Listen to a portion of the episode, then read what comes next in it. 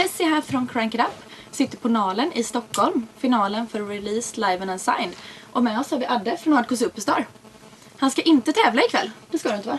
Nej, jag ville men det blev tyvärr inte så. Det är ju bara för osignade band och ja, Ja, ni har ju varit med ett tag. mm, absolut. Mm. Och ni har ju en ny skiva på G. Mm. Som släpps nu i vår. Det var faktiskt ganska frustrerande. Men det som var coolt med den, det var just det att man skriver på ett annat sätt när man skriver under press. Mm. Och eh, det var underbart sen när vi fick lämna bort plattan. För att då, eh, det var ju en idol lite så, eh, som mixade plattan. Precis, Ra- Randy. Ja. Randy Staub ja. Jag menar vad fan när vi, när jag var typ 1989, hur gammal var jag då? 13-14 år. Mm. Då var ju han gud liksom. Vad som kändes jävligt underbart det var att få skälla på honom faktiskt. Det var det, det bästa. Ja, det, nej, men det var lite konstigt. Det var det. Det var la- någon, någon slags, slags där Randy Staub sitter där nu och så bara What the fuck are you doing? Nej, det, det blev bra som fan. Vad känner ni att han har tillfört plattan? Soundet, helt klart. Vi spelade ju in själva då liksom. Vi hyrde en, vi hyrde en studio eh, på ett ställe som heter Brewhouse i Göteborg. Mm. Då hyrde vi övervåningen där ovanför. Och var där i typ ett halvår. Och, och tejpade. Så sen när vi var färdiga så då, hade, då visste vi ju redan att det var Randy som skulle mixa. Så det var ju liksom bara att sitta där och tanka över filerna till han. Han sitter i Brian Adams studio i Vancouver sitter han där liksom, så skickar han ju låt för låt och man, man fick ju stånd bara varenda gång jag skickade tillbaks för det lät så jävla fläskigt liksom. Och, eh, ja, det var gött bara. En fröjd. Därifrån var det en fröjd. Så det var liksom... Det var jobbigt och underbart. Hela den grejen faktiskt. Om du skulle jämföra den här skivan mot tidigare skivor. Mm. Hur skulle du vilja säga då just med utvecklingen? Den är nog lite mer så här riskfylld. Jag tror att vi har gått mer eh, ut i kanterna liksom.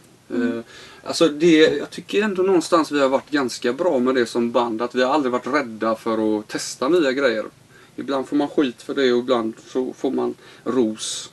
Så, men eh, jag tycker väl återigen att vi har hittat ett litet kryphål. Musik, jag tycker ändå någonstans att det är kul att skriva musik. Den musiken jag tycker jag saknar idag på marknaden Mm. vill jag gärna skriva. Och så har vi tänkt lite grann. Fan, det var jävligt länge sedan man hörde den här typen av produktion. Det var jävligt länge sedan man hörde det här lite mer Alice Cooper-arrangemangerna liksom. Så här. Och idag är allting så jävla melodiös schlagerdöds. Mm.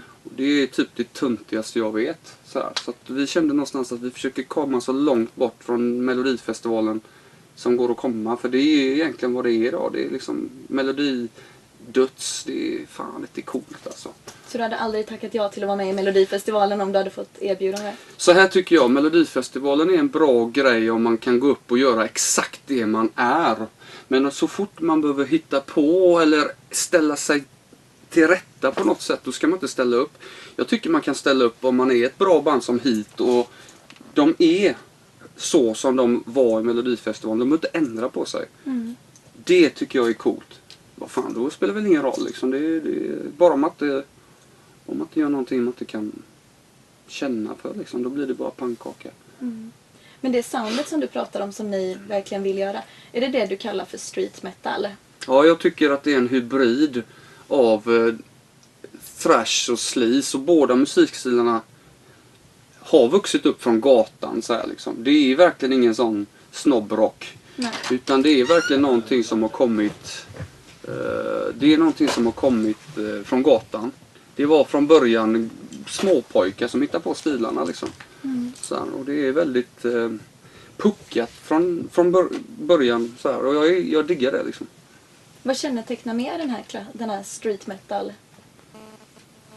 Det, är- det är just det här att man inte håller sig, eh, man går väl kanske inte bli för jävla eh, det blir inte så jävla symfoniskt sådär utan man håller det ganska simpelt. Enkelt budskap liksom och det blir ju på gott och ont så blir det kanske rätt mycket det livet som man lever. Man sjunger inte så mycket om drakar och demoner för jo, vi har inga sådana hemma på våran gata. Så här, utan man sjunger om det man har på sin gata. Så. Mm. så det, det är street metal för mig. Ja. Och nu är vi ju ändå på release-finalen. Och Mm. det handlar ju om osignade band. Mm. Kan det vara så att du nästan blir lite nostalgisk när du ser de här unga killarna och de är fulla av förväntan? Mm. Det är grymt. Att man tänker tillbaka när ni själv började?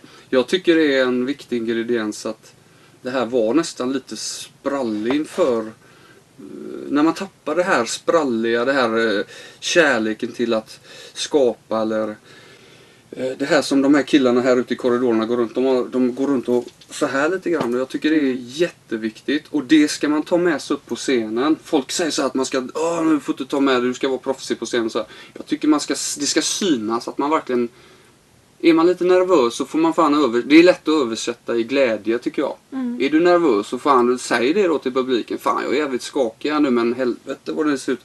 Jag menar det behöver inte vara så jävla allvarligt tycker jag. För många drömmer ju om att vara ute på vägarna och turnera, att det är så glamoröst. Men, ja precis. Min fråga var ju där. Vem fan har sagt det? Ja men de drömmer ju om, om Sunset Strip. Du har ju själv bott i Los Angeles också så du har väl gjort Sunset Strip då i dina dagar. Mm. Men är det så glamoröst att vara ute på vägarna som, som de drömmer om? Nej, inte alls. Jag kan säga så här. Det spelar ingen roll vilken nivå man befinner sig på. Man tycker alltid att man lever ett jävla skitliv när man är ute och turnerar. Vissa är ju ut, liksom, som klippt och skurna för att, att turnera så här. Men att ligga i en buss i en månad. Jag kallar inte det lyxliv. Man kan bo i fin buss kan man bo. Men det blir också ändå någonstans inte lika som eh, att, vara hemma. Men Ja, mitt tips till dem. Mm. Gör det inte för berömmelse och gör det inte för att det ska vara så jävla kul att turnera utan gör det för att ni älskar musik. För det är den sista drivkraften som driver på. Att älskar du musik så kan du ligga i den här jävla bussen liksom.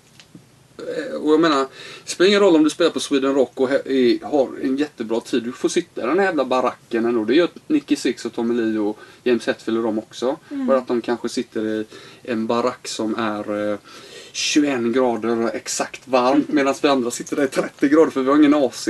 Men det är inte så stor skillnad ändå så jag tycker mitt tips är ändå någonstans att du får nog lära dig att tycka om musik och ha det som... Jag gör detta för att jag älskar musik. Inte för att jag vill bli stjärna eller det är ett lyxliv. Då får man nog fan börja tänka på något annat. Tror jag. När man lever så mycket på varandra så måste man ju bli extremt trött på varandra efter ett tag. Mm. Har du några tips? Ni hade ju ändå ett halvår ifrån varandra där. Mm. Har du något tips för de här nya banden som kommer upp? Att, hur gör man för att orka med varandra? Ja du. Fast jag... Jag tycker nog ändå någonstans att eh, när man är nära in på varandra så finns det också någon... Har man en bra kemi, vilket man får utgå från att de har banden ändå någonstans. Annars kan man ju inte spela ihop. Mm. Då är det här att när man kommer nära varandra då förstår man varandra. Men om man inte hörs på ett tag då kan det uppstå missförstånd. Ja. Så jag tror nog ändå någonstans att eh, jag och mina gubbar i bandet, det är liksom... Vi är nog som mest synkade när vi lever på varandra. Mm. Då, liksom, då förstår man varandra. Men om inte jag pratar med någon bandmedlem på en månad och så börjar han höra av sig till våran manager och säger massa jävla grejer och så bara vad fan säger du? Då har han liksom gått iväg i sin värld i en månad och jag har gått iväg i min. Då kraschar man. Liksom. Ja. Så det är, mitt, det är min erfarenhet. Att det är bättre att man håller ihop. Ja, man håller, det, det. hörs ofta och dagligen så att man är synkade på något sätt. För annars så tror jag nog att det blir lite så här. eh, man glider isär. Det tror Ja. jag är värre. Finns det några sådana här typ, ni, eftersom ni har ändå hållit på så himla länge nu, så ni har väl ändå ja, gått på kanske några klassiska missar. Mm. Har du något tips till alla nya band där ute? Det liksom, gör inte det här misstaget. Jag tror inte man ska, jag tror inte man ska stirra för mycket på andra. Eh, det kan man nog stirra sig blind på. Eh, typ att eh, man tror på en grej och så märker man att eh, något annat band eh, gör sin grej och så slår det igenom som fan. Mm. Och så är det en annan stil. Du behöver inte byta stil då utan det blir bara inte trovärdigt. Utan fortsätt gör din grej och tror du på din grej så tror jag verkligen någonstans att är det bra så kommer det belönas för folk är ändå idag, idag letar folk upp grejer på ett helt annat sätt. Det finns ju liksom Youtube och allting sånt där. Så folk letar upp bra musik idag. Men jag tror inte man ska stirra för mycket på andra band och, och, och när det går bra för något annat band så unna dem det istället. Liksom. Eh, och, och, och var unik. Liksom. Det, Hitta din lilla grej så. Men det finns inga sådana typiska misstag många nya band gör. Jag tror... Ja, ja, det gäller ju som sagt att göra det för musiken. Det har man märkt jävligt många. Framförallt i den... Vi blir ju ofta inputtade i sleaze-genren. Och jag vet inte hur det är i andra genrer och så, men där är det ganska vanligt att det är ändå någonstans... Först är det attityd och image. Sen skriver vi någon musik till det. Jag tror nog någonstans att man ska skriva musiken först och, och låta klädseln och, och, och personligheten blir ju någonstans en förlängning av vad man står för och är. Men det känns jävligt mycket på andra band idag att de har först köpt kostymen och tuffat till sig och sen ska de på något sätt Nu måste vi skriva bra låtar också. Jag tror man ska låta det gå först. Musiken får forma hur man är. Mm. Eh, Det tror jag nog någonstans. Hur känner du kanske att musikbranschen har förändrats under de här åren? Det är ju det att vi får turnera med nu. Liksom. Eh, Om man släpper en skiva idag så tjänar man pengar på den förr i tiden. Antagligen når man ut till så in i helvete mycket mer folk idag med sin musik. Vilket är bra. Mm. Och jag tycker om utvecklingen att man når ut. Så helt klart Spotify och hela den här grejen. Det, det, jag tycker det är någonstans man ska supporta utvecklingen och, och leva med den, inte försöka jobba emot den. Och så det som är grejen då, det är att du får turnera mer för där tjänar du pengarna idag. Mm. Men gagerna har ju gått upp. Jag tror det i alla fall. eh, För de flesta banden. Och det finns fler spelställen och det finns fler festivaler. Så jag tycker ändå någonstans att... Nej, jag tycker bara det är positivt. Liksom så här. Var det, vad var din fråga? Var det typ... Nej, men just hur musikbranschen i allmänhet som sagt har Ja. förändrats. Ja, men det, är det, som- det är som sagt att du tjänar dina pengar på att vara ute idag på vägarna. Förut så kunde du ändå någonstans sitta hemma och säljer du 40 000 plattor. Det är ungefär idag, ja, men jag skulle nog förvåna mig om det är typ 7-8 000 skivor idag. Mm. Eh, Det är ungefär samma för att folk letar upp det på nätet och, och så här. Så att du måste vara beredd att turnera idag om du ska kunna leva på musik. Mm. Annars får du ju göra någon sån här eh, eh, ja, P3-musik. Så att du får en A-lista så. Men det är, hårdrock blir ju ändå inte listat så på radion. Nej. Sådär. Så det beror lite på vilken genre man är. Nej, men att just när vi kommer in just det här med sleaze och du som ändå har bott i Los Angeles. Mm. Att många yngre band idag de pratar om just att leva i Sunset Strip-livsstilen. Mm. Och den finns ju inte kvar idag. Nej. Eller ja, det kanske finns lite kvar idag men det är inte alls som det var på 80-talet. Mm. Jag tror också någonstans så här, jag var ju där i två år. Mm. Och då fattar jag också Fattar också hur jävla grymma musiker vi är i Sverige. Och en styrka som finns i Sverige som vi ska vara jävligt stolta över så här, det är att vi snackar inte så jävla mycket skit som amerikanerna gör. Man kunde gå ut en kväll på Rainbow och så stod folk så här liksom ah, I played with Slash och bla bla bla och hälften är sanning. Och så talar de upp sig som att de är såna jävla gitarrister då liksom. Och så bara, fan coolt liksom, vi träffas och så kör vi lite. Så tar man sina trummor i någon taxi du vet och åker hem till någon kille som bor i Valley. Så kopplar man upp grejer. Han har stått och snackat med sån jävla mun som man tänker fan det här är ju nya Slash jag ska lira med nu. Så han är helt röten. Helt kass. Och så, jag har aldrig varit med om det i Sverige. Att man snackar upp sig så till skyarna. Jag tycker man ska vara stolt om man är svensk faktiskt på det sättet. För det tillhör faktiskt ovanligheten att man snackar skit. Mm. Utan det är oftast nästan som man underdriver som svensk. Ja. Typ ah, jag kan väl ett och ett annat och så sätter de sig och spelar sånt jävla trumfil som man bara Åh herregud vad bra du är. Du spelar ju röven av varenda amerikan. Så att de här banden som åker till LA och säger att vi ska lyckas där borta. Det blir jävligt lätt att alla snackar skit så ingen tar någon på allvar.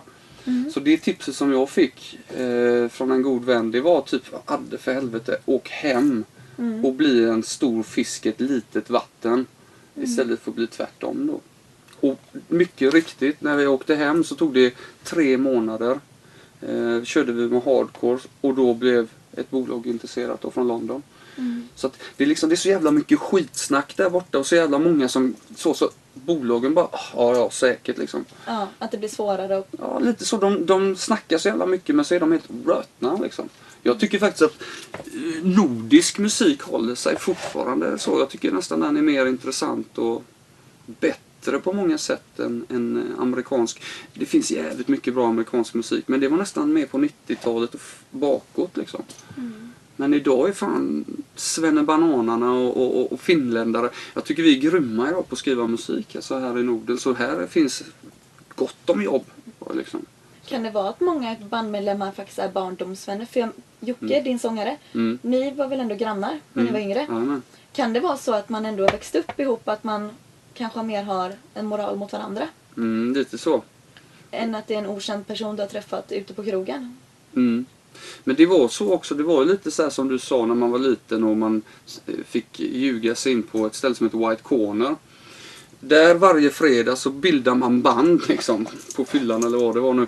Så var det så, så att in Flames-gubbarna började ju redan då lite hänga där och så började de ta med sig lite, så började lite grupperingar. Men någonstans ändå så var man ändå på samma ställen. Bara att de lite, lite var lite fördjupade sig lite i Maiden och så gick det ut mot eh, thrash och så blev det döds och så blev det vad de gör. Och så vi lite så här, fan vi diggade så jävla mycket Guns och, och, och den här stilen liksom. Så det, det grenade ut sådär, men vi var alla där liksom och det känns som att alla någonstans diggade det här bas, du vet, Kiss, Maiden, Metallica, Lizzy. Vi hade ändå samma bas och alla gubbar. Så här. Sen bara blev det olika uttryck. Så, här, så att det, det är jävligt kul att se att så jävla många band, band från så liten stad som Göteborg har blivit så världsberömda. Liksom. Mm. Det måste vara ändå kul att, när man var med från början när man var så pass ung och se var det hamnade idag. Ja, men det var ju så här, det var så, jävla, det var så jävla oskyldigt på den tiden. Det var så här, du kunde få kicken ur ett band på den tiden för att du hade shorts på dig liksom. Du, ah fan han passar fan inte in, den jäveln har shorts på sig. Vad fan kommer du till rep med en jävla Västra Frölunda tröja? Vad fan vi ska ju för helvete gå i skinn liksom. Då var man kickad ur det bandet. Så fick man gå vidare till nästa där och hoppa. Ja, du kan spela något jävla shortsband liksom. Vi spelar ingen jävla skatepunk här liksom. Fuck off. Och så här, det, det, var, det var så jävla kul på den tiden. Så för man märkte ganska snart att vi är Pantera och, och vi tycker om det. Och så gjorde alla sina egna stilar så här. Och så klädde man sig efter det till slut. Liksom. Det, det skapade, som jag sa var inne på tidigare, det skapade det man var inne på. Det skapade klädstilen. Ja, och att det är det Det, viktigaste. så blev klädstilen efter hur man umgicks så här, och hur man spelade. Mm. Skatar man så stod man inte i tajta jeans liksom. Då hade man shorts. Men hur kom du in på trumspelandet då? Det var Jocke. Ja, som fick dig att börja. Ja, han sa det. Fan, du ser ut som en trummis. För grejen var att jag skejtade ju och var helt galen i det. Mm. Och så sa han, för jag hade långt hår när jag var liten. Det har jag i och för sig nu med, men då, då tyckte han typ fan det hänger inte riktigt ihop att du skejtar och långt och du ser mer ut som hårdrock. Fan, du skulle spela trummor typ så här liksom. Och fan, jag var så jävla imponerad av Jocke för att han spelade ett band. Mm. Och han var imponerad med att jag kunde hålla kickflip, vilket var typ då det svåraste tricket man kunde göra. Mm. 1989 typ. Så, så det var liksom fan. Vi var impade av varandra så tänkte jag fan jag ska nog fan spela trummor. Det, det verkar vara ett rätt kul jobb så. Men du hade aldrig tänkt på att börja spela instrument tidigare? Jo, min äldste brorsa han var ju sådär, han slog ju mig om inte jag lyssnade på AC/DC och sånt när jag var liten liksom. Typ om jag lyssnade på Pinks eller Madonna eller någonting sånt. Då brukade han slå mig. Såhär, fan lyssnar du på den här skiten nu igen?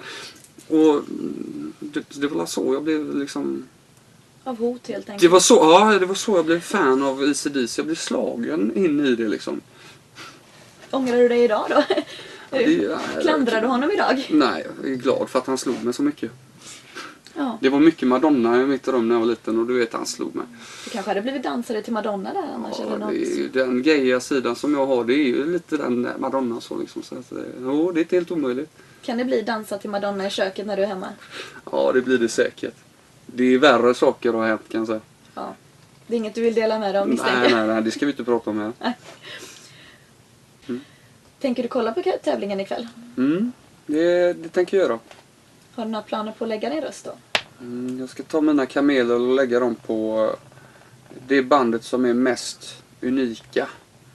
För jag tycker det ska fan, det ska sponsras. Är man unik så hoppar man på någon jävla bandwagon så ska man fan inte komma undan med det. Jag ska rösta på de som är mest unika. Tjena, det här är Adde från Orko Superstar för Crank It Up.